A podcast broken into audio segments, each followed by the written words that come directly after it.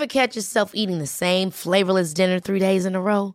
Dreaming of something better? Well, HelloFresh is your guilt-free dream come true, baby. It's me, Gigi Palmer. Let's wake up those taste buds with hot, juicy pecan-crusted chicken or garlic butter shrimp scampi. Mm. Hello Fresh. Stop dreaming of all the delicious possibilities and dig in at HelloFresh.com. Let's get this dinner party started. Hey, it's Ryan Reynolds, and I'm here with Keith, co star of my upcoming film, If, only in theaters, May 17th. Do you want to tell people the big news? All right, I'll do it. Sign up now and you'll get unlimited for $15 a month in six months of Paramount Plus Essential Plan on us. Mintmobile.com slash switch. Upfront payment of $45 equivalent to $15 per month. Unlimited over 40 gigabytes per month. Face lower speeds. Videos at 480p. Active Mint customers by 531.24 get six months of Paramount Plus Essential Plan. Auto renews after six months. Offer ends May 31st, 2024. Separate Paramount Plus registration required. Terms and conditions apply if rated PG. Systrarna Elvstrands hästpodd är producerad av Media House by RF. Halli hallå gott folk och välkomna till systrarna Älvstrands hästpodd avsnitt 108. Tja, det var tur att jag hann och snurvla klart innan du började prata där. Så Är vi du inte behövde göra om. Är du lite sjuk? Nej, absolut inte. Det var bara att det kliade till i näsan så jag tänkte att jag orkar inte gå och typ fixa det med något papper eller något så jag fick göra en sån. Men hur är läget med dig idag då Anna? Jo men det är bra. Jag har äntligen varit på gymmet igen. Mm. Jag eh, pratade väl om i förra podden att eh, min rygg den eh, sa upp sig och nu är den tack och lov väldigt mycket bättre.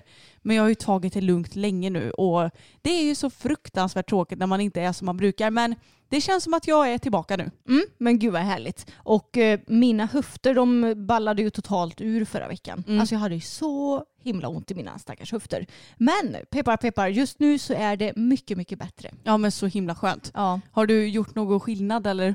Nej alltså vi sa ju att vi skulle liksom lägga av med socker förra veckan. Ja. Och det höll jag ju ganska bra fram till helgen. Men det är liksom inte så att jag har vräkt i mig socker utan jag har ätit lite choklad typ. Men Ja. jag, jag tror ju verkligen på att det finns ett samband med vad jag äter och hur min kropp reagerar. Ja men säkert. Och grejen att det är ju väl så med alla sorters beroenden att det är ju väldigt svårt att lägga av med saker på en gång.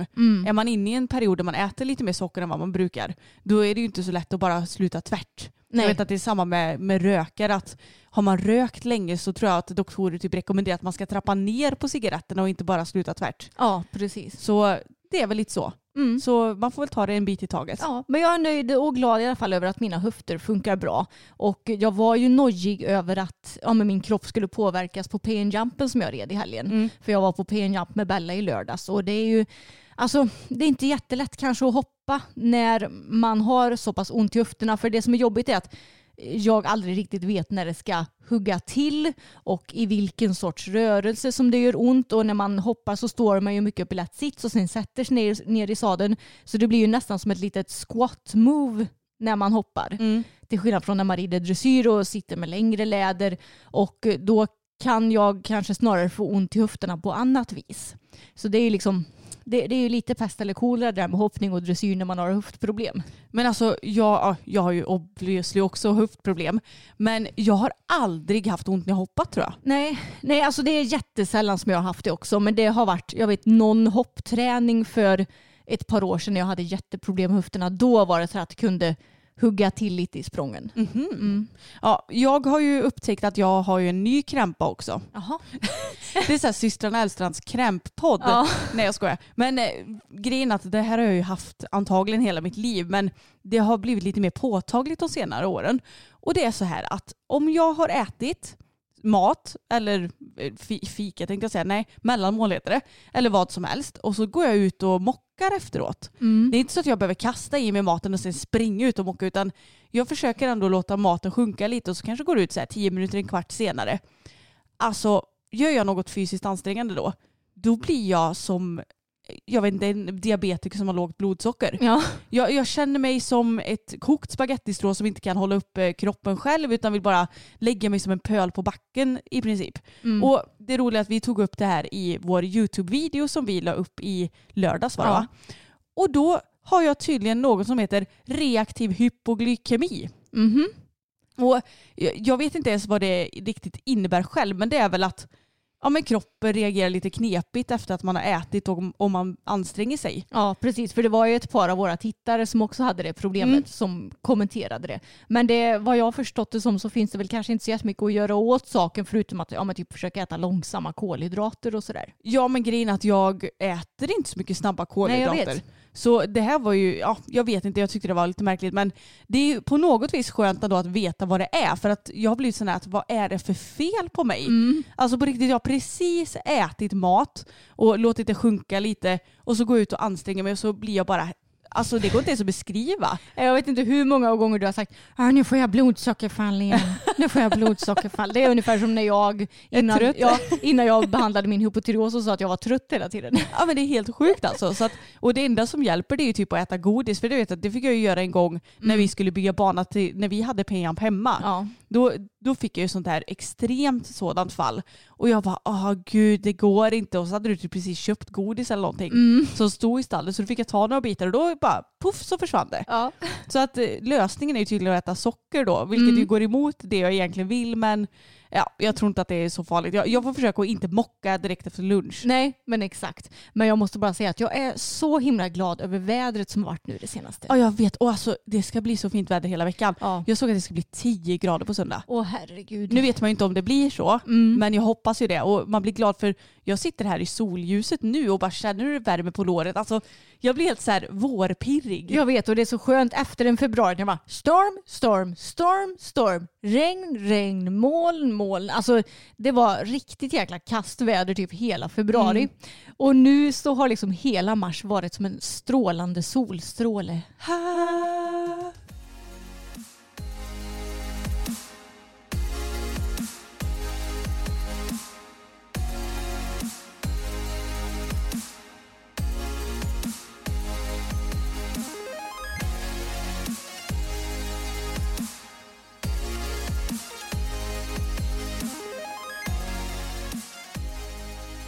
Ja men nu är jag ju ett år äldre och ett år visare Emma. Det är du och det är ju nu fram till och med den 14 juli som det bara skiljer ett år mellan oss också. Exakt. Nu är jag 29 år gammal Mm. och vi, alltså jag orkade inte riktigt fira så mycket. För att hela den här veckan som varit nu har jag ju renoverat mitt och Samuels sovrum.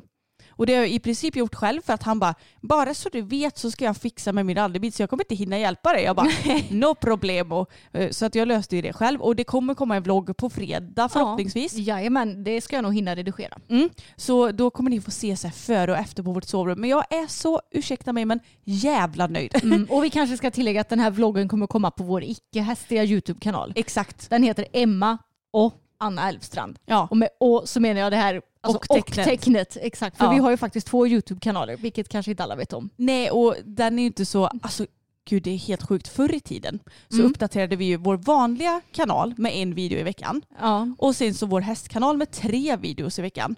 Då hade vi förvisso ingen podd, Nej. men alltså det tog så sjukt mycket tid. ja, jag fattar inte hur vi och orkade. Nej, och hade inspiration till alla videos. Nej, sen blev jag ju utbränd också så det kanske inte var så himla konstigt. Nej, verkligen inte. Nej. Nej. men, så jag orkade inte riktigt ha något stort firande med släkten och sånt där. Utan jag känner att det får bli nästa år när jag fyller jämnt istället. Då blir det party. Ja, alltså jäklar vad vi ska fira då. Mhm. Nej men det var mysigt. Vi, eller jag bjöd på tacos och så kom du och mamma och pappa hem till mig och Samuel. Och så fick jag så fina presenter. Ja. Jag blev så himla glad. Jag fick nya vita ridbyxor av Emma. Mm. Jag fick en träningsklocka eller sån här aktivitetsklocka av mamma och pappa som jag önskat mig. Jag har inte fått igång den än för att jag har inte hunnit det. Men jag ska ta tag i det i veckan. Av Samuel Mm. så fick jag en blank 1K-hjälm. Ja, jag är så avis. Alltså jag, jag blev så glad. Det är en sån här som är, ja men det ser typ ut som en lackhjälm Mm. nästan. Som är blank och navy såklart, alltså marinblå. Det är ju min färg. Så att jag är så glad, kommer inviga den på tävlingen i helgen Mm. och jag är så himla himla nöjd. Ja, en sån hade jag också velat haft om det hade funnits i brunt, men det gör det inte. Nej, och grejen var att jag var tvungen att söka runt lite om Samchill kanske hade en sån i brunt i blank. Mm. Men det har de inte heller. Nej. Varför finns inte det? Det är väl jättemånga som har bruna hjälmar eller? Ja, jag tycker det är jättekonstigt. Mm. Utbudet på bruna hjälmar blir bara sämre och sämre känns det som. Ja, man får, jag får hålla hårt i de hjälmarna som jag har. Nej men grejen är att det finns ju. Men det, det är ju inte lika roliga hjälmar då. Nej, precis. Så det är lite tråkigt. Men eh, så är det. Du får kanske byta till svart hjälm. Nej, jag. Nej men så jag har haft en jättefin firande. Eller ett jättefint firande säger man kanske. Mm. Och ja, det var ganska skönt att ta det lite lugnt efter all renovering för jag har varit helt slut. Alltså jag har inte hunnit ligga i soffan och kolla på någon tv-serie eller någonting i veckan. Nej. Utan jag har slitit som ett djur. Blir det lite lugnare den här veckan då kanske? Ja det blir det. Nu ska jag bara njuta av vårt sovrum. Ja. Åh, alltså vi har lagt in en heltäckningsmatta. Mm. Och det är nog det bästa valet vi gjort någonsin tänkte jag säga. det är helt underbart. Men som sagt, video kommer på fredag på Mm. vår vanliga kanal. Och jag tänkte säga att jag kan länka, det kan jag inte göra för att den släpps ju efter att den här, eller den här podden har kommit ut. Men vi, ni kan ju hålla utkik på Instagram också för Ja. då säger vi till när den är uppe. Där lägger vi alltid upp länkar när vi släpper nya videos. Exakt. Mm. Men eh, jag har ju haft roligt i helgen också. För i lördags, alltså dagen efter ditt födelsedagskalas, åkte jag och Belsan till Alingsås för att hoppa pain jump. För nu på söndag blir det, Mm. så ska vi rida årets första hopptävling och då tänkte jag att det kan vara nice att hinna åka ut på en till pain jump innan detta. För jag var ju på pain jump i Tenta för, ja det blir typ en månad sedan nu. Ja det måste det vara va? Ja, sen har ju inte jag, alltså jag har ju hopptävlat har jag insett väldigt, väldigt lite med Bella det senaste. Mm. För förra året så var det väl, ja men det var väl dels coronarestriktioner typ första halvan av året. Ja, jag tror Fram att jag till- gjorde första starten i juni om jag inte Ja. minns helt fel. Precis, eh, och eh, så hade hon varit skadad så hon började ju ridas igång i typ maj. Så hon var ju inte riktigt alltså, tävlingsredo förrän i typ augusti. Mm, och sen fick du rövproblem. Sen så ramlade ju jag av då och skadade röven så då kunde inte jag tävla henne. Då fick du tävla henne. Mm. Jag trodde att jag inte hade ridit en enda alltså, riktig, det vill säga lokal regional hopptävling för henne förra året. Men jag red en, men det var bara en 90 cm clear round. I Falköping då eller? Ja. Precis, den hade jag helt glömt bort. Så det var inte heller någon, vad ska man säga, alltså riktig tävling med omhoppning och sådär. Mm. Eh, och sen så red jag klubbmästerskapet i hoppning. Men alltså det är ju de två tävlingarna som jag har ridit de senaste typ två åren på henne. Men gud vad sjukt. Ja, sen har det ju blivit ett par dressyrtävlingar istället. Så det har ju varit extremt sparsamt som ni hör. Och av den anledningen så kände jag att jag vill nog ändå åka ut på en pain jump för att ja, men känna mig lite varm i kläderna. Mm. Och i synnerhet i Alingsås, för vi pratade lite i förra podden om att jag har ju ett Alingsås-spöke. Ja. ja, för det har ju inte gått bra tidigare tävlingar när jag tävlat i Alingsås för att hon har blivit spänd. Sen så gick hon bra med dig där när ni var på jump i somras. Och nu gick det bra för mig också, så bye bye Alingsås-spöket. ja men det känns väl ändå skönt eller? Det känns väldigt skönt. Nu är det bara Lidköping som vi ska åka till också och få bort eh, Lidköpingsspöket. Ja, men det är ju inte säkert att det ens är ett bekymmer nu. Nej, För jag menar sist du red det är ju typ fyra år sedan eller? ja, när hon var fem år. Ja, i Mm. Lidköping. Mm. Då hade ni, ni var ju inte så samspelta och du hade inte varit på så många ställen med henne. Nej. Så att det, det kanske inte ens är något bekymmer nu, det vet Nej. vi inte. Det hade varit bra att åka dit på typ någon öppen bana för hon reagerade väldigt mycket på deras läktare. Så, Deras läktare är ju ganska, det är på kortsidan Mm. och den är väldigt hög för att de har kafeteria högst upp. Mm. Och så är det ganska mörkt för att de har gråa väggar i ridhuset Mm. och så blir det, de har väl inte så mycket ljus på läktaren. Mm. Så att det, den upplevs ganska mörk när man rider i ridhuset. Ja. Så det är inte så konstigt att det blir att de tittar lite. För jag vet att Boppen var nog lite likadan. Mm. För jag kommer ihåg att när jag red honom, ja det är ju många år sedan nu, då så rev vi ju sista hindret i omhoppningen och det var Mm. ju just att vi hoppade mot läktaren. ja, det blir väldigt mycket tryck för hästarna. Ja, så att Mm. jag tror att han blev lite okoncentrerad för jag vet att jag kom väldigt bra på hindret. Ja. Och hade egentligen ingen anledning till att, ja det var inte jag som klantade mig och det Mm. kan ju hända att han bara oj, och så glömde han att peta, Ja, eller precis. få upp benen liksom. Mm. Exakt, så det är ju dit vi behöver åka också då. Mm. Men eh, om vi ska snacka lite om helgens pain jump så ja, men jag fick inte så jättebra känsla på framridningen för hon kan ju normalt sett vara lite sån att hon tränger inåt i vänster varv. Det är ju lite det varvet som vi har haft ja, men, svårast för nu det senaste. Men på framridningen, nej då hade hon bytt håll så då var det höger varv som var lite jobbigt och att hon liksom stod emot skänkel lite grann. Eh, så det var ju lite frustrerande. Men sen när vi kom in på framhoppningen så var hon som förbytt och då var hon superfin. Alla språng kändes jättebra och hon var liksom pigg och framme för skänken och fräsch och kände att yes nu kan jag gå in på banan med gott självförtroende. Ja, men alltså, jag tror att man överlag inte får lägga för mycket värdering i hur framridningen går. Nej, I synnerhet inte när det är ett helt annat, på ett helt annat ställe än Mm. vart själva banan ska vara någonstans. För nej. ja, men det kan vara mycket att titta på eller hästen är bara uppmärksam på något annat. Och Ja. Det är klart att man gärna vill att uppmärksamheten ska vara hos en själv. Men inte hela världen om det inte är så från början. Nej, men exakt. Och sen inne på banan så hoppade jag 90 centimeter och en meter. Och jag hade bett om att få starta sist i 90 och först i en meter. Så att jag liksom kunde vara kvar på banan mellan mina starter. För vi har ju pratat om det förut att jag gillar ju inte att starta två klasser och behöva rida två, ja men hoppa fram två gånger, rida fram två gånger. För jag tycker att det känns ja, men onaturligt. För Mm. det gör vi ju inte till vardags. Nej. Men då är det en annan grej när man hoppar pay jump och startar så tätt för då blir det ju snarare som en hoppträning att ja, nu hoppar jag en bana och sen pausar jag lite och så hoppar jag nästa bana utan att man behöver göra om någonting.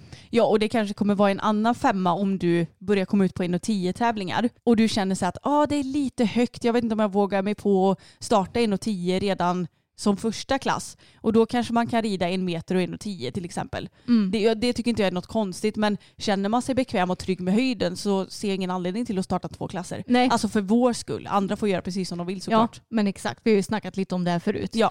Men, eh, ja, men inne på banan, hon var superfin. Det var två, eller, ja, men två relaterade avstånd skulle jag säga. Mm. Och eh, det ena det var 25 meter. Och eh, normala sex språng på ja, men, de höjderna som jag tävlar brukar ju vara 24,5 meter. Mm. Så det var ju ganska långt på sex språng. Så eh, där fick jag ju rida på ordentligt. Eh, Speciellt i första klassen innan jag hade hunnit känna på avståndet för att de skulle få plats med sex språng. Och sen tror jag det var typ så här 31 meter kanske Mm. på ett annat ställe.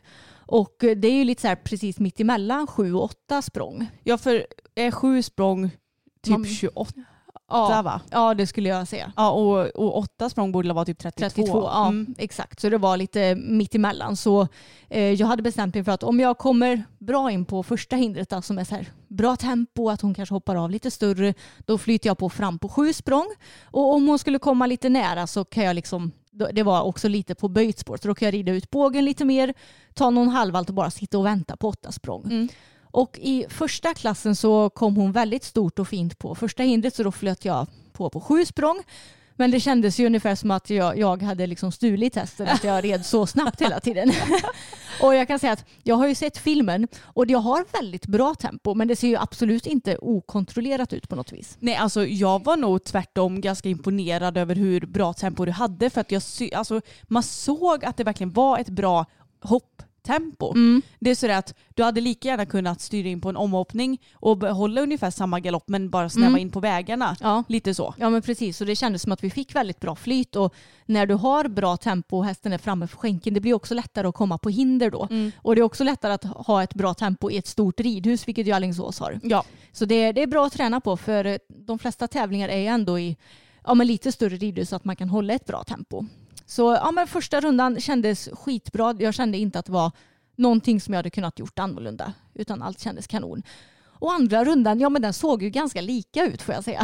ja alltså ni gjorde två skitbra rundor måste Ja. jag säga. Den enda skillnaden var att hon kom lite närmre på om det här relaterade avståndet som jag pratade om där det var 7 8 språng. Och hon hoppade så himla bra på den första också. Så jag hamnade liksom lite grann i obalans typ så första språnget efter. Och då kände jag att ah, det är bättre att jag rider ut bågen lite och liksom får tillbaka min egen balans än att jag ska jaga på henne bara för att få sju språng. Liksom. Men det, alltså, både sju och åtta språng, det såg ju precis lika enkelt ut på filmen. Ja. Så det var ju, hon är ju väldigt lätt att reglera på så vis. Det är tacksamt. Och nej men alltså, hon var så himla fin verkligen båda rundorna. Mm. Men jag insåg ju en sak och det var det här att alltså, jag hade kanske egentligen jag själv behövt pusta lite mer emellan starterna. för jag inser också att alltså, vilken kondition det krävs för att hoppa en så här lång bana. Jag var ju helt flåsig liksom efter min första 90-start. Ja, men jag sa det till dig också att det är ju lite skillnad på att hoppa, kanske, se att den här banan hade varit på en stenträning. Då tror jag inte att du hade varit lika andfådd för att då är det så här, vi tränar, vi har värmt upp och vi har kollat på alla hinder och bla bla bla. Men nu när det är lite tävlingslika former, då blir det ju såklart en liten, liten anspänning oavsett om man vill eller inte. Ja. Och får man adrenalin på slag, då brukar man ju också andas lite häftigare. Mm. Så att det spelar ju också in såklart. Ja, precis. Men jag kände verkligen att jag behöver träna min kondition. Eh, Och jag hade ju tänkt att ah, nu är det så fint väder och jag var ute och springa men höften ballade ur så jag kunde inte göra det. Nej. Kanske den här veckan att jag kommer kunna göra det. Ja, hoppas det. För eh, ja, men det, jag tycker att det är bra att springa för det ger ju, alltså jag tycker att det är mest likt eh, konditionen som krävs i ridning. Ja, men jag håller med. Mm. Jag vill också ut och springa om jag kan. Ja, precis. Så vi får försöka att göra det i veckan då. Ja, det får vi göra. Men jag, jag lyckades ju ungefär pusta ut innan en meter men jag kände att oj, oj, oj, nu ska jag hoppa en gång till och hur ska det gå? Men jag lyckades ändå hålla liksom fokus och koncentration hela banan. Mm. Så det gick ändå bra och det känns kul. Nu är jag sjukt taggad inför den här helgens tävling. Mm. Det ska bli så kul att köra igång hoppsäsongen igen äntligen. Ja men verkligen, så himla roligt. Och jag och Fokus ska ut på tävling på lördag. Jag känner mig ju 0% förberedd ungefär. För att jag har inte ridit ett ordentligt dressyrpass på, ja, det är ju över två veckor nu tror jag. Mm. Och det handlar ju om min rygg då. Jag har inte riktigt velat utsätta ryggen för att ja, sitta ner i traven och sådär. För att jag tänker att det är ju också lite stötigt. Stötigt. Ja, Mm. precis. Så att jag tänkte att det är bättre att jag tar det lugnt som förra veckan då. Mm. Men jag tänker att nu får vi klämma in desto fler dressyrpass den här veckan. Så förra veckan fick han rida ut många dagar. Så den här veckan gör vi tvärtom att nu får det faktiskt bli ganska få uteritter med många dressyrpass. Mm. Och Alltså, vi, vi har ju en grundfilosofi som vi pratat om många gånger att vi gärna rider ut tre dagar i veckan och rider på banan tre dagar i veckan. Mm. Men ibland så får man ju såklart ändra lite på sina planer. Så jag tänker att jag ska rida dressyr idag. Det får bli eftermiddag när paddocken hunnit tina upp sig i det härliga soliga vädret. Och sen så går han en uteritt på tisdag. Sen har vi träning för Johan på onsdag som kommer att filmas och det kommer komma upp på kanalen på lördag. Den hästkanalen då såklart. Mm. Och på torsdag så har vi träning för Anna, vår mentaltränare, om inget annat ändras. Och då tänker jag att det blir perfekt att han får lite hjärngympa och det är ju också en lugnare dag då. Mm. Som inte blir så himla mycket galopp utan kanske snarare skritt i princip. Och sen så på fredag tänker jag att han faktiskt kommer få ett till dressyrpass. Ett, eh, och såklart kommer ju variera lite i intensitet också. Så det kanske inte kommer bli ett så himla hårt dressyrpass utan mer ja, men, jogga lite. Mm. Checka av läget. Ja men exakt. Och på lördag så blir det tävling. Men eh, jag, även om jag inte känner mig så förberedd så är jag ändå väldigt taggad. Mm. För jag är pepp på utveckling och att eh, ja, men vi förhoppningsvis ska klättra lite i procent så småningom. Ja, precis. Alltså jag måste säga att det känns, jag tycker det känns som att både du och jag har utvecklats mycket i vår ridning nu det Mm. Och att vi också rider bättre på tävling till exempel. Mm. Jag tycker att du, du har ridit väldigt bra på tävling det senaste. Jag tyckte att du förtjänade alltså, mycket bättre poäng på senaste tävlingen än vad du fick till exempel. Ja men tack. Sen har ju du alltid varit duktig på att rida dressyrprogram tycker jag. Att du är noggrann och sådär. Mm. Men jag tycker med fokus att du rider mycket mer effektivt nu och verkligen får igång honom bra och sådär. Ja, alltså det roliga är på förra tävlingen, jag tyckte bara men gud han, han blir alltid lite segare på banan. Jag hoppas att det ska lossna någon gång, att han fattar att så här, men det är ju just det här att man går från ett ridhus till ett annat eller en paddock till en annan. Det, Mm. det är ju inte heller naturligt. Nej. Och det är lite svårt, vi kan ju inte träna på det hemma för att vi har ju bara en paddock. Ja. Eh, Kanske får rida fram ute i hagen och sen köra ett program i paddocken eller Mm. någonting. Det kan vi göra i sommar i så fall. ja, exakt. Men eh, det är just det som blir en liten anspänning och därför blir han också lite så här, inte lika känslig för skänken och lite segare upplever jag honom som. Mm. Men domaren tyckte att jag red för fort. Ja, Jag bara, okej när jag tittar på filmen tycker jag inte alls att det är för fort. Jag, jag håller med henne om att jag skulle vilja ha lite mer så effektiva bakben. mm. Men jag tycker inte för den sakens skull att det går för fort. Nej, det tyckte inte jag heller när jag såg filmen. Men det är ju så, man får väl bara inse det att man kommer nog aldrig hålla med domare. För antingen så tycker man att man får för lite poäng, för mycket poäng och ibland tycker man nog att, ja men håller man nog med domaren. Mm. Men eh, ja det är ju lite segt att vi inte, vi får ju oftast inte jättebra poäng jag och Fokus. Nej.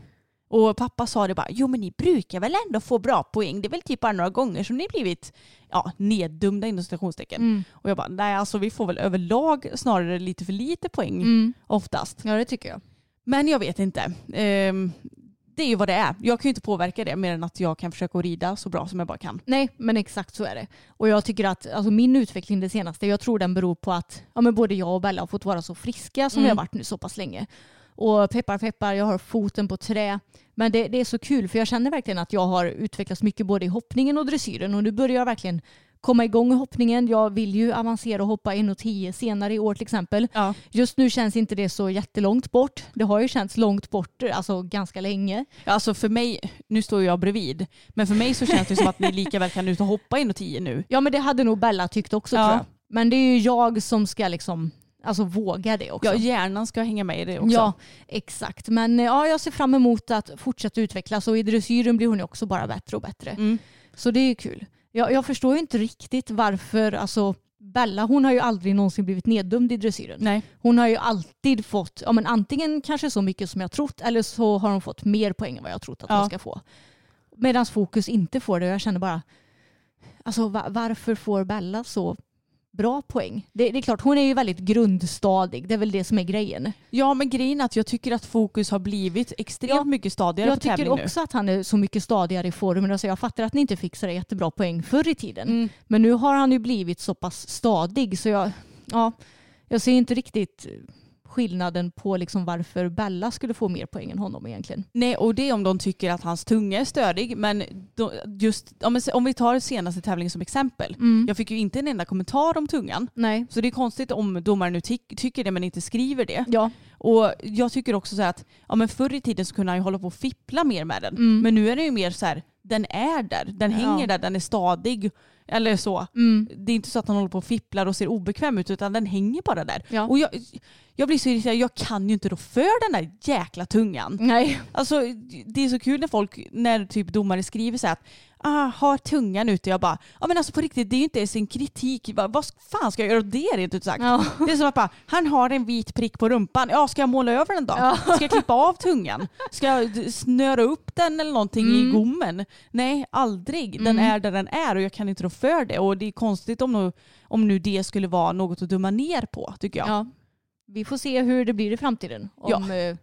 Eh, om han kommer få bättre poäng ju stadigare han blir också. Exakt och det är ju bara att fortsätta att kämpa och jag tänker att en vacker dag kanske det trillar dit och om inte annat så kommer jag ha lärt mig jäkligt mycket till nästa häst. Oh ja. Så jag är tacksam för alla moment med fokus även om jag har slitit mitt hår många gånger också.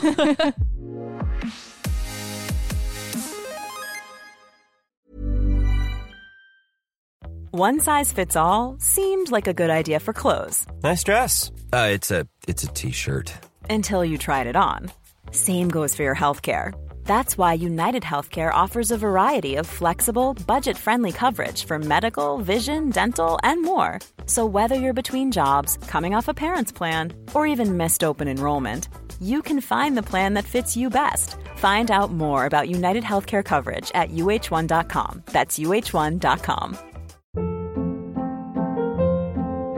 Hold up. What was that? Boring. No flavor. That was as bad as those leftovers you ate all week. Kiki Palmer here, and it's time to say hello to something fresh and guilt-free. Hello Fresh. Jazz up dinner with pecan-crusted chicken or garlic butter shrimp scampi. Now that's music to my mouth. Hello Fresh. Let's get this dinner party started. Discover all the delicious possibilities at hellofresh.com.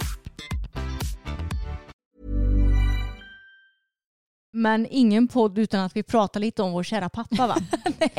Så du får ju säga, what's the latest news? ja men precis, vad, vad är det senaste med pappsen då? Mm. Jo men visst det är ju så här, på tal om lite till nästkommande häst då.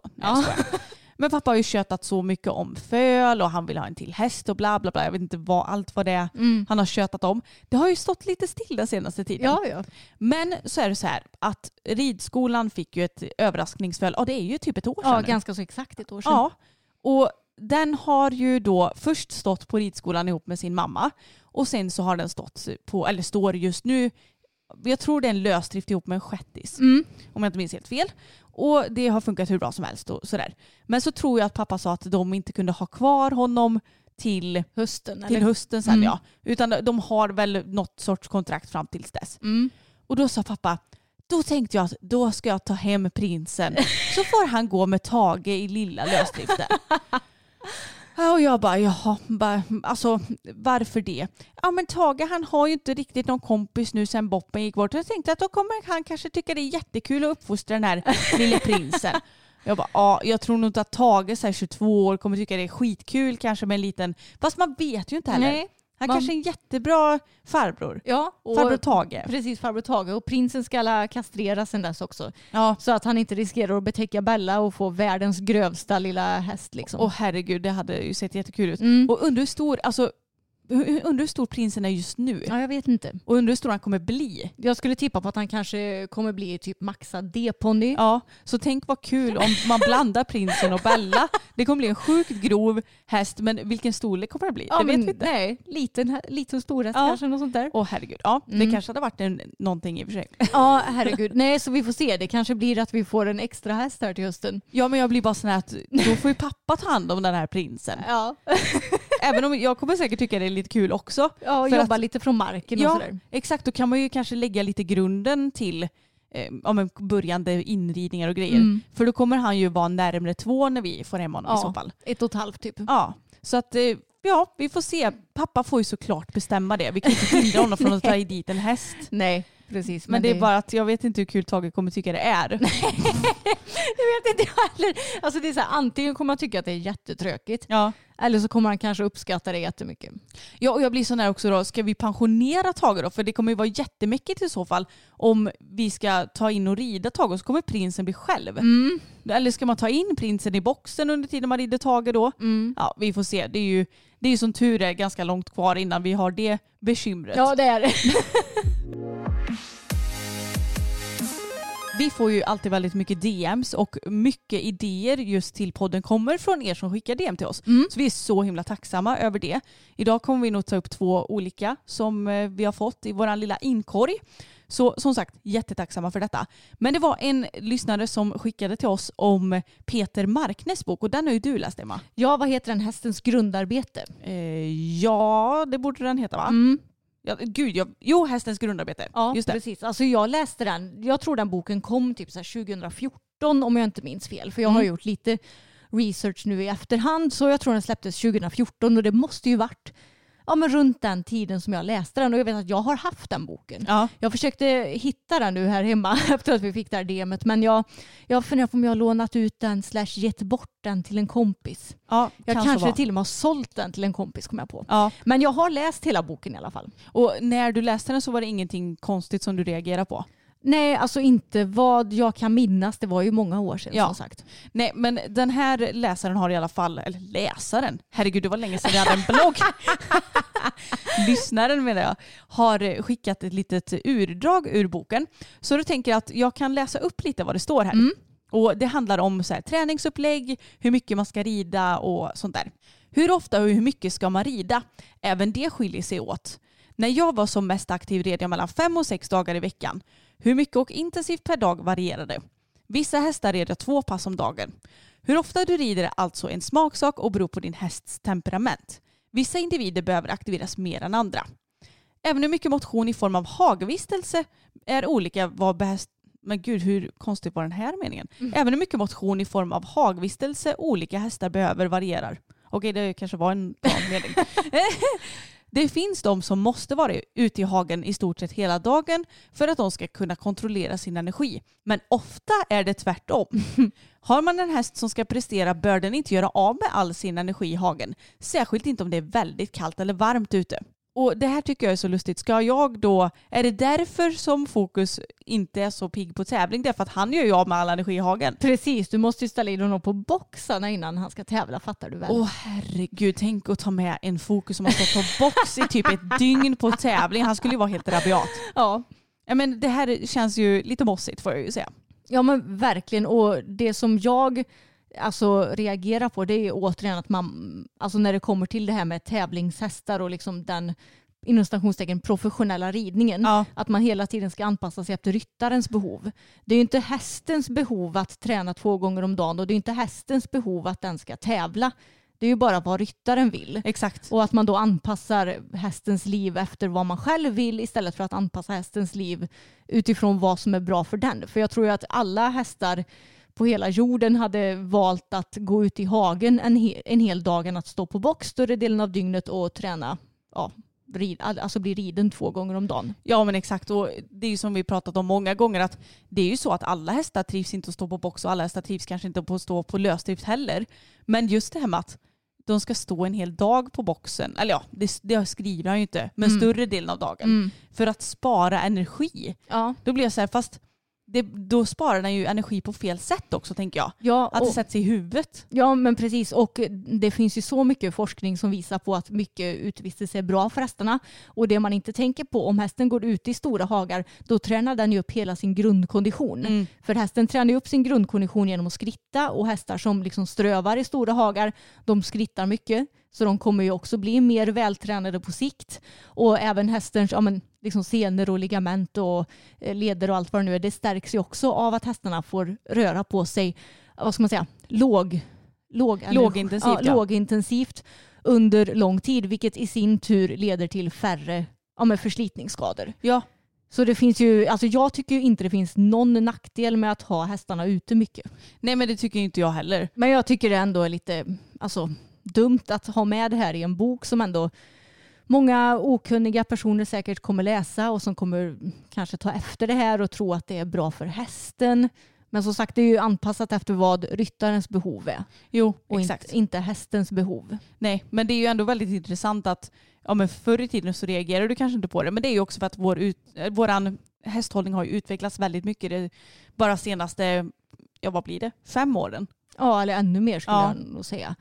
Eh, Men just då reagerar du i alla fall inte på det här stycket. Nej, alltså jag, jag, jag tror att jag borde ha gjort det för ja, men den släpptes 2014. Även då så tyckte jag att hästar skulle ha mycket utevistelse. Ja, Men jag kanske läste det lite slarvigt. Kanske. Det är inte alltid man eh, är så bra på att rikta sig. Alltså när man läser böcker ibland. Ja. Då, då är det så här, då har jag läst ett stycke och så bara, ja ah, men undrar vad vi skulle ta och äta för middag ikväll. Ja men och, så, exakt. och så när man väl har läst bara, men herregud jag har ju inte snappat upp ett enda Nej, ord. Jag tror det var nog säkert lite så det var. Annars så jag, jag minns ju liksom inte ens att det här stod i boken. Nej. Så du, alltså jag måste ha läst det ganska så slarvigt Ja. tror jag. Ja, vi håller ju inte med om det här i alla fall, det kan vi konstatera. Nej, men exakt. Utan vi förespråkar ju mycket utvistelse och tycker att det är bra på många olika vis. Ja, men det kan ju ingen ha missat som lyssnar på den här podden. Nej, då har man nog lyssnat med ett halvt öra skulle jag tro. Vi har också fått flera DMs om samma sak och det blir ju gärna så när det kommer ja, men, antingen någon hemsk nyhet eller någon bra nyhet Mm. som hänt i hästvärlden. Och det handlar om Teleborgs ryttarsällskap som, ja men det är en väldig brist i deras hästhållning. Okej. Eh, och jag har fått artikeln skickad till mig. Mm. Och nu vet jag inte vad det här är för tidning. Nej, det är frågan. Men det är nog säkert någon Smålandstidning eller Mm. liknande.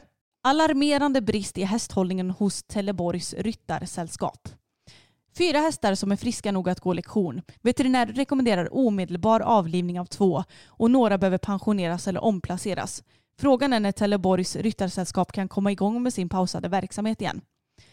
I slutet av januari skrev Smålandsposten om att Teleborgs ryttarsällskap tillsammans med veterinär beslutat att pausa verksamheten under två veckor på grund av för många sjuka hästar. Tiden det rörde sig om var vecka 4 och 5, men verksamheten är ännu inte igång. Av 15 hästar bedöms fyra vara så pass friska att de kan gå lektion i verksamheten. Dock kan inte alla sorters ryttare rida två av de fyra, något som är viktigt när det gäller ridskolehästar. Flera av de hästar som den senaste tiden bedömts klara av verksamheten har fått gå fyra lektioner per dag utan någon vilodag. Rekommendationen är 2,75 timmar om dagen inklusive vilodag. Smålandsposten har vid ett flertal tillfällen försökt att nå den veterinär som gått igenom hästarnas hälsa men har inte lyckats. Hen konstaterar dock skriftligt i handlingar hos kultur och fritidsförvaltningen att medelåldern på hästarna är väldigt hög. Flera är över 20 år och flera av dem saknar hull och är dåligt musklade. Hästarna är inte vaccinerade och flera är ovilliga att arbeta samt är aggressiva vid hantering. Veterinären rekommenderar omedelbar avlivning av två hästar och några behöver omplaceras eller pensioneras. Teleborgs ryttarsällskap uppmanas också att ta hjälp av Svenska Ridsportförbundet för att få stöd och råd om hur de ska gå vidare. Efter att ha besökt Teleborgs ryttarsällskap så skriver Smålands ridsportförbund, Svenska Ridsportförbundets regionalt. Sammanfattningsvis finner besöksgruppen att det finns brister kring föreningens hästhållning kopplat till hästarnas nuvarande status och föreningens kunskapsnivå. En förutsättning för medlemskap i Svenska Ridsportförbundet är att bedriva en säker verksamhet för häst och människa med hästarnas välfärd i fokus. Föreningen behöver höja sin kunskap och kompetens kring hästhållning och ridskoledrift och rekommenderas att tillse detta omgående. Anna Zetterlund är konsulent på Smålands Ridsportförbund. På frågan om det går att rädda Teleborgs ryttarsällskap så svarar hon på mejl. Ridskoleverksamheten hos Teleborgs ryttarsällskap är i dagsläget stängd. Föreningen har tagit hjälp av veterinär och sökt ekonomiskt stöd hos sin kommun. Föreningen har även tät dialog med Svenska Ridsportförbundet centralt och regionalt. Svenska Ridsportförbundet hjälper nu föreningen med en åtgärdsplan. Med hänsyn till hästarnas välfärd samt elever, personal och andra på föreningen har frågan hög prioritet. Vi hjälper bland annat föreningen med rådgivning och stöd. Förhoppningen är att åtgärdsplanen ska kunna hjälpa föreningen att göra de omställningar som krävs. När bedömer du att verksamheten ska vara igång igen frågas. Det vill jag inte spekulera i.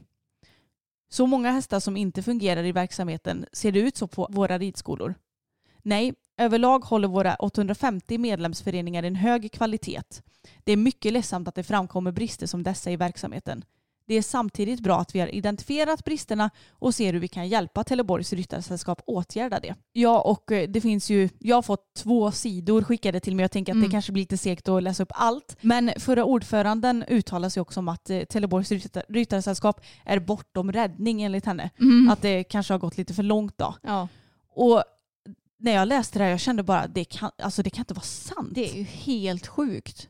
Alltså jag känner också, varför ska Ridsportförbundet hjälpa den här klubben eller den här ridskolan att räddas? Lägg ner skiten istället så att ingen mer häst behöver drabbas. Jag tänker lite så också. Och jag tycker att det låter helt sjukt att av 15 hästar så är fyra friska nog att gå lektion. Mm. Ja, det är helt sjukt alltså. Jag förstår inte. Och Inte jag heller. för min del så känns det så knäppt att har man helt ignorerat hästarnas hälta Mm. och då tänker jag då, det är inte bara en person eller utan nu, nu ska jag inte klanka ner på elever för det är inte alltid man har kunskap nog Nej. till att se hältor och sånt där. Men är, jag tänker att det är inte bara en person som ser de här hästarna. Mm. Det är flertalet personer som ser hästarna och borde reagera. Mm, precis, det är så jävla märkligt att det har blivit så. Ah, jag, jag förstår ingenting. Nej. Hur är det här ens möjligt? Och jag menar om de friska hästarna har gått typ fyra timmar om dagen Mm. och inte hade någon vilodag, då kommer de inte vara friska så länge till heller. Exakt. Och att medelåldern är så himla hög. Alltså, Mm. Man kan ju såklart ha någon äldre häst på ridskola. Mm. Det, det är ju inget som säger att ålder behöver spela någon roll. Det finns ju jättefräscha hästar som är lite äldre också.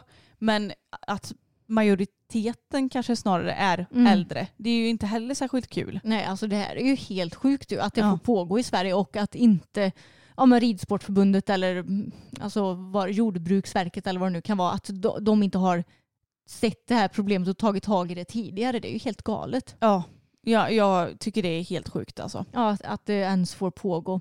Eh, jag tycker stäng ner den här ridskolan för kan du inte alltså, sköta om dina hästar så alltså, då ska det inte finnas någon ridskola. Ja. Stäng ner, stäng ner skiten, alltså sälj hästarna, avliva de som behöver avlivas och sen så får man väl kanske typ så här starta upp någonting helt på nytt då, om det nu skulle behövas, om det finns efterfrågan för det i framtiden. Men då ska det ju vara helt nya personer som startar någonting tänker jag som Ja. faktiskt kan se till hästarnas bästa. Jag tänker att ryktet behöver ju inte vara jättebra på den här ridklubben efter detta. Liksom. Jag tror inte det heller. Och det står här också att även till Länsstyrelsen i Kronobergs län så har det kommit in anmälningar om att hästar farit illa. Tre stycken i december 2021, januari 2022 och i februari 2022. Mhm. Så att de har ju fått in anmälningar. ja.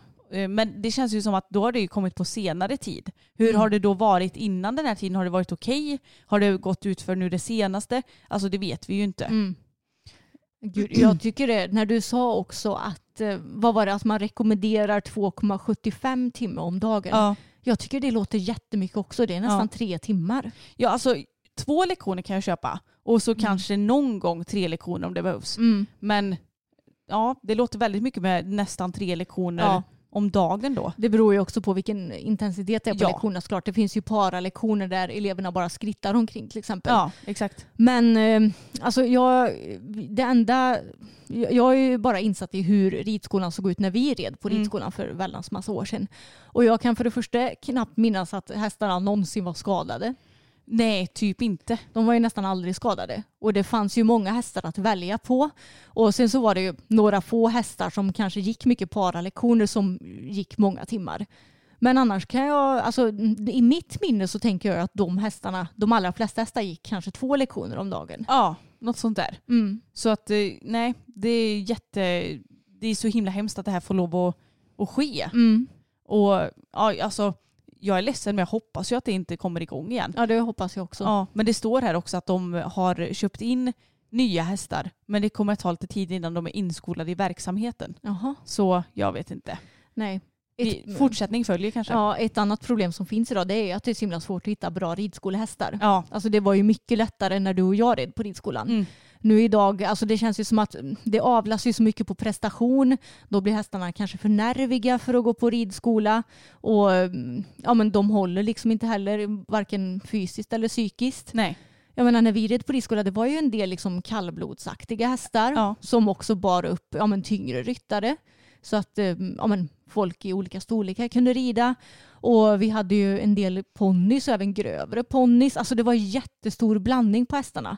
Och nästan alla var ju också väldigt alltså, lugna och snälla. Ja, det, det var ju typ den här Pontus då som jag var lite rädd för. Som var lite lattjo lajban sådär Mm. ibland. Men annars så var ju de flesta väldigt lugna och snälla oftast. Och jag tycker också det är så himla tråkigt att det bara avlas på så här, vilken stam hästen har.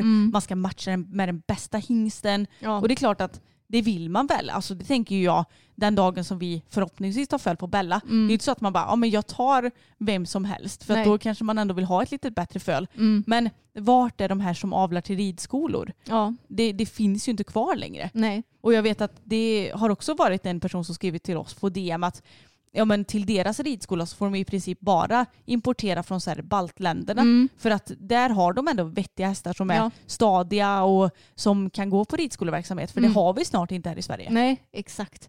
Äh, Det är så märkligt. Och så avlar man på ston som är helt galna som typ inte funkar i ridningen. Exakt. Och så tror man att de hästarna sen ska få bra ridbarhet. Ja. Alltså det, eh, jag skulle säga avla på ston med bra psyke och se till att också avla på hingstar som har bra psyke så att det inte bara är en hingst och ett sto som rör sig väldigt bra eller hoppar väldigt bra. För tyvärr är det ju så att majoriteten av oss ryttare, vi är ju hobbyryttare Ja. och vi kan inte hantera hästar som är för spicy. Nej, och jag menar alla hästar kan ju inte bli superstjärnor heller. Nej. Det spelar ingen roll om du tar den absolut bästa hingsten och det absolut bästa stot. Det, är- det, är inte bara en, det är inte en garanti för Nej. att den ska gå de högsta klasserna. Så att eh, det är väldigt tråkigt hur aveln har blivit och på något vis så känner man ju att det borde finnas någon form av avelspolis. Men det finns det ju inte utan man får ju typ göra som man vill. Ja, precis. Ja, vi får hoppas att det löser sig för ja, men landets ridskolor. För jag menar, någonstans så ska vi ju lära oss att rida. Ja och jag hoppas verkligen att det löser sig för de här hästarna också. Ja, verkligen. På Trelleborgs ryttarsällskap. Ja. Ja, men på tal om det här med att man ser hästarna lite som ja, men redskap och inte individer. För det tycker jag ju verkligen att den här artikeln som du precis läste upp handlar om. Gud ja.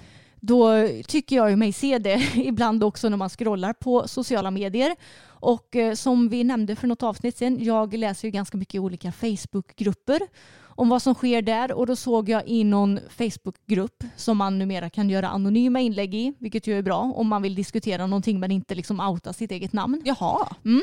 Och då stod det ungefär att det var eh, trådstarten då, hade, var en privatperson som hade sålt sin häst till en annan privatperson. Mm.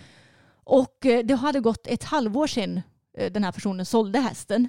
Och nu hade köparna hört av sig och sagt att de ville alltså, reklamera hästen och eh, att eh, den här säljaren skulle köpa tillbaka hästen. För att de var inte nöjda med den. Och den hade liksom inga fysiska fel. Utan det var bara liksom Alltså jag förstod det som att de kanske inte tyckte att det, den gick så bra i ridningen som de hade förväntat. Okej. Samtidigt så verkar det som att de här personerna hade lagt upp att ja, men hästen var så duktig på träningen och jag tror de hade tävlat lite och sådär. Och det här skulle tydligen vara en väldigt välutbildad häst som hade gått, jag tror det stod 1,40 hoppning förut. Så hon har sett, alltså säljaren har sett lite på sociala medier att de har skrivit att ah, det går så bra på träning och lalala. Eller vadå? Precis. Ja. Men samtidigt så ville de lämna tillbaka hästen för att de inom stationstecken inte är nöjda med den. Och så hade de skrivit typ att om inte du gör det så kommer vi gå vidare med det här. Alltså rent juridiskt då. Jaha. Och det är också så här, men vad fan. Det, det verkar ju uppenbarligen inte vara något fel på hästen för den, den är ju frisk, den har ingen skada. Och det har gått sex månader sedan köpet. Ja. Alltså jag blir så trött på att folk förväntar sig att hästar ska vara några jävla maskiner som alltid presterar. Och den här hästen kanske gick jättebra med förra ägaren men den har kanske kommit nu till en ny ägare som inte rider lika bra till exempel. Exakt. Som inte har samma rutiner. Jag blir så, alltså jag blir så förbannad att folk ska liksom försöka ta allt rättsligt och försöka lämna tillbaks hästar och hota den tidigare säljaren bara för att de själva har brister i sin egen ridning eller hästhållning. Ja men alltså det hade ju jag kunnat göra med Fokus då för att han var ju inte samma häst första dagen som eh, tre veckor senare. Eh, men nu valde jag att se att det här var en individ som behövde hjälp. Och det, alltså det är så här, hade jag köpt, säg Dante Veltino, Therese Nilshagens eh, bästa häst. Inte fan hade jag tänkt att ja men det är ju bara att liksom styra in och köra en Grand Prix med honom sen. Nej. Alltså snälla någon, jag har ridit med det HC. Jag kanske inte ens kommer kunna göra förvänd galopp honom ordentligt i Nej. början. För att så här, man har olika signaler, man rider på olika sätt, man är olika duktiga. Jag, jag blir helt galen. Alltså bara för att du köper den här som är på ett visst sätt när du provrider den, det betyder inte att den är exakt samma häst när du flyttar den. För det är såklart en omställning för hästen. Ja, och det behöver inte betyda att det är något fel på hästen Nej. heller. Det kan ta tid för den att landa och som sagt den gamla ridningen går ur kroppen. Då, man får ju alltid någon liten kris efter någon månad Ja, med sin nya alltid. häst. Mm. När gamla ridningen går ur och en segerridning börjar komma in tycker jag. Ja, ja. Så att det är så här, man måste ha tålamod. Det, det tar flera år att rida in sig på sin nya häst tycker jag. Ja, ja. Och det känns som att man hör sådana här grejer typ hela tiden också. Ja, ja. Alltså den var helt galen jag fick henne. Den började stegra sig och hålla på. Man bara, ja men det kanske är för att den är stressad för att den har bytt miljö. Mm. Eller för att du inte är en tillräckligt bra ledare för Ja. eller vad det nu än kan vara. Och istället för att ja, men, ta professionell hjälp när det kommer till träning så ska man liksom hålla på och tjafsa och ha sig. Ja. Och som sagt, det, det känns som att man läser det hela tiden och jag skulle aldrig orka vara hästförsäljare med tanke på vilka köpare det verkar finnas ute i landet. Nej, och nu har vi ju sålt en häst i hela våra liv. och ju- just nu känner jag, gud vad skönt Mm. egentligen. Men jag tror ju att det finns ju, alltså majoriteten är väl ändå normala människor Jo, som jo. förstår att det är djur. Mm. Men det känns ju också som att det tyvärr finns många som är just så här, Ja, ja. som ska reklamera hästar. Man Ja. bara, det är ingen produkt. Nej, och säljaren var ju dessutom en privatperson. Mm. Så jag menar, det var ju inte så att hen hade ja, men råd att köpa tillbaka hästen Nej. heller. För den hade väl liksom lagt de pengarna på annat och eh, kanske inte heller hade den livssituationen så att eh, den personen skulle kunna köpa tillbaka Nej. hästen igen. Tycker det är så jävla märkligt att hota med att man ska liksom ta det till en advokat. Då känner jag bara, ja men gör det då. För de har ju ändå liksom inget fall att gå på verkar det som. Så då får Nej. ju bara, jag tror bara det är hot. Och att eh, i så fall är det ju de som får betala advokatkostnader så det kommer ju bara bli dyrt för dem tänker jag. Men jag tycker det är jättemärkligt om du känner så här, för det kan ju vara så att man känner att nej men jag klickar inte med den här hästen. Varför inte sälja vidare den till någon annan Ja, då? ja, precis. Även om jag också tycker att det är lite tråkigt att man ger upp efter ett halvår kanske. Mm. Om nu inget egentligen är fel och sådär. Alla är inte som dig. Nej. jag vet. Det är så kul för jag tänkte verkligen på dig och fokus när jag läste den här artikeln. Ja men alltså ja. Nej, jag fattar bara inte hur man kan ge upp det första man gör. Nej. Sen är jag ju kanske lite envis och så. Mm. Men ändå. Ja, Nej, Jag blir så trött. ja. Det är inte så schysst för hästarna att hålla på och flytta fram och tillbaka heller. Nej, men exakt. Jag blir så trött på att folk ska se hästarna som några jävla maskiner och som något redskap. Istället för att fokusera på att bli en bättre hästmänniska själv. Mm. För det är ju nästan alltid där det brister ifall du har något problem med hästen. Jag menar du har ju blivit en mycket bättre hästmänniska sedan du köpte Fokus och har Ja. lärt dig nya grejer. Verkligen. Ifall du redan hade kunnat det här när du köpte honom då hade ju inte det alls tagit så lång tid för er att komma dit ni är nu. Nej, precis. Så att jag tänker att varje häst man köper, det, det lägger ju ändå ännu fler pusselbitar i det här stora pusslet som man Mm. förhoppningsvis har fyllt ganska mycket när man blir äldre. Något som jag har funderat på den senaste tiden det är det här med lite skönhetsideal. För att man hör ju ofta så himla mycket om att ja men skönhetsideal för människor, förr så skulle man vara superduper duper duper smal. Nu är det mer kurviga kroppar med stor rumpa och, och bröst som gäller typ. Och att det hela tiden går i någon form av Cykel. Ja, och lite mode sådär. Mm. Men alltså, har vi inte lite skönhetsideal även inom hästar eller? Jo men jag tycker det. Alltså själva hästen menar nu, inte vi ryttare. Nej, exakt. Så det, ja, det återkommer ju verkligen till ridsporten har jag ju märkt och tänkt på framförallt nu det senaste. För nu går vi ju mot våren, det vill säga att hästen har, eller de flesta hästar har säkert börjat fälla sin vinterpäls. Många kanske inte är sådär supersnygga nu. Det är skavtider så många hästar har skav.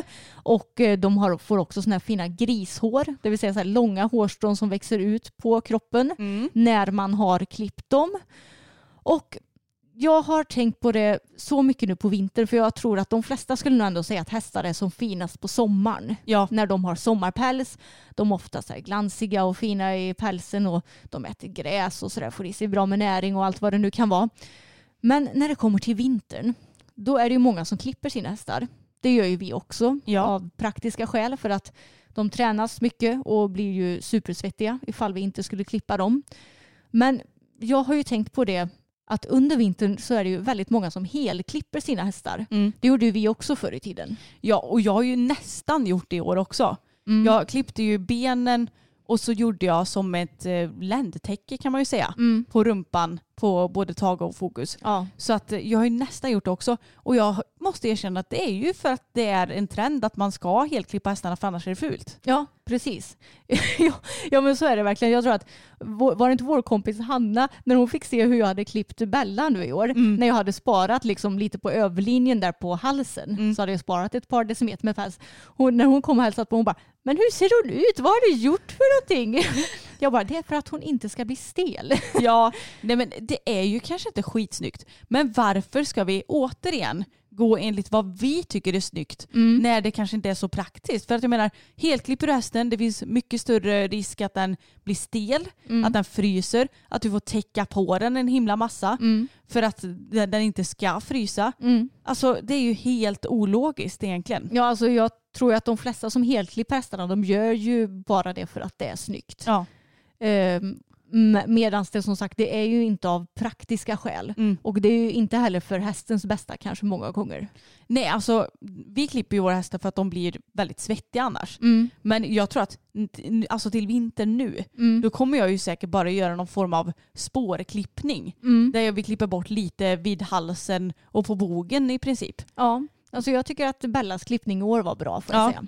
Ehm, Jag sparar ju benen och sådär på henne också Mm. till exempel.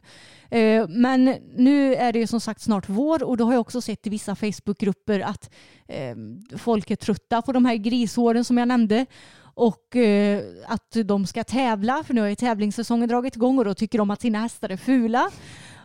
och då ska de klippa hästarna nu igen för att bli av med de här grishåren. Ja. Istället för att liksom bara låta ja, men, vårpälsen komma och eh, att hästen får fälla av de här håren. Då. Och jag vet att det har varit lite delade meningar när jag har sett i Facebookgrupper. För det var vissa som skrev att domaren dömer ändå inte hur hästen ser ut utan hur hästen går, så låt det vara. Medan andra säger klipp bort det, det är fult. Ja. Ja. Men alltså det, jag har insett att det finns så många skönhetsideal inom hästvärlden också med hur hästarna ska se ut. Ja. Och att man nästan kanske ja, men blir lite retad om man har någon kanske rolig klippning som snarare är praktisk. ja men verkligen och jag tycker att vi borde försöka ändra på det här beteendet. Mm. För jag menar om man tittar på islandssporten till exempel. De klipper ju i regel bara som en typ triangel vid halsen och på bogen för att de blir svettiga där. Men resten sparar man ju. Ja. Så att jag menar bara om man tittar på en annan gren så är det helt andra preferenser till vad som är en, bra, alltså vad som är en modern klippning Ja. där. Och i travsporten klipper man väl knappt hästarna heller va? Nej, inte vad jag vet i alla fall. Inte vad jag kan komma på om jag tänker på vår släkt som sysslar med trav. Nej, jag tror snarare att de, eh, de, de spolar av hästarna i typ alla väder istället. Mm. Och så får de väl torka med flistecken och grejer såklart. Men jag tycker bara att det är så tråkigt att det blir så här för att det kan ju bli på hästarnas bekostnad. Nu menar Mm. inte jag att alla helklippta hästar är missnöjda, för Nej, det nej. tror jag verkligen inte. Men det är bara så här, varför helklipper du? Ja exakt. Är det för att det är snyggt Mm. eller är det för att du faktiskt behöver det? Ja precis, man behöver nog alltså, rannsaka det hela och se till vilket behov man gör av. Ja. Och om det är för ens egen skull eller för hästens skull. Exakt, och jag kan ju inte låta bli att tänka på det här. Alltså folk som verkligen helklipper sin häst, de klipper ju även huvudena. Det måste vara så himla mäckigt. Jag har aldrig klippt ett hästhuvud i hela mitt liv. Nej. Men alltså tänk så här, tänk om jag skulle göra det på fokus, se att det hade gått och att jag hade velat det. Tänk om man råkar klippa av hela pannluggen. Ja. Om de bara så rycker till eller någonting. Ja. Och gud skräcken. Nej men så att nästa år så blir vi ännu mer sparsamma i våra klippningar tror jag. Mm. Och jag tänker att det är ju samma sak när det kommer till att ja, men, klippa manar och svansar och allt vad det är. Ja. Det, ser, det ses ju också som snyggare att ha kanske en välfriserad man och svans. Och när du rider dressyr ska du knoppa och det ska du kanske gärna göra när du hopptävlar också. ja. Alltså att det är så mycket ideal på hur hästen ska se ut. Den ska också helst ha ett perfekt hull.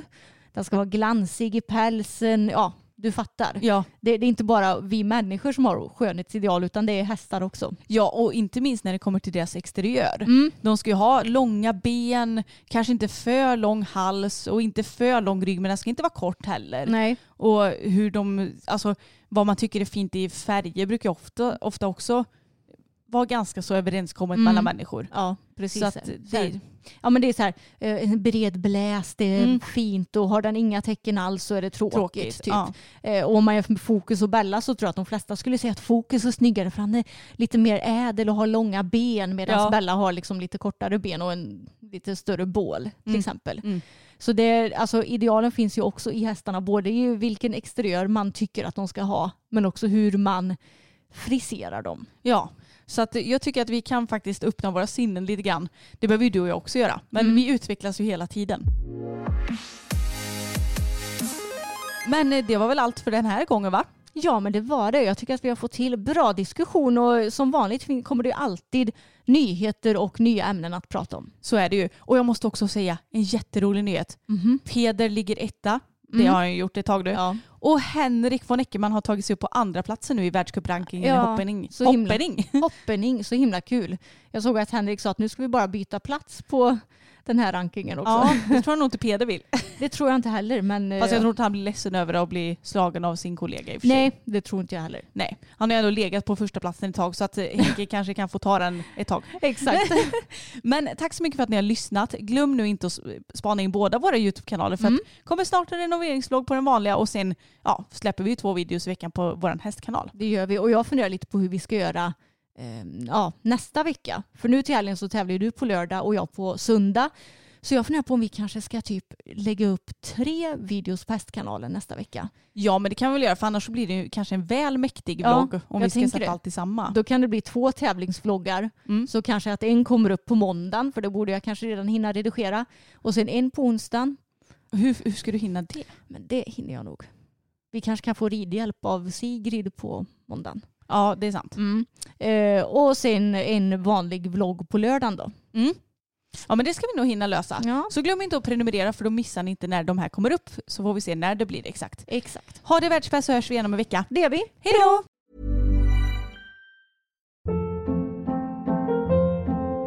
Hold up. What was that? Boring. No flavor. That was as bad as those leftovers you ate all week. Kiki Palmer here, and it's time to say hello to something fresh and guilt-free. Hello Fresh. Jazz up dinner with pecan-crusted chicken or garlic butter shrimp scampi. Now that's music to my mouth. Hello Fresh. Let's get this dinner party started. Discover all the delicious possibilities at hellofresh.com.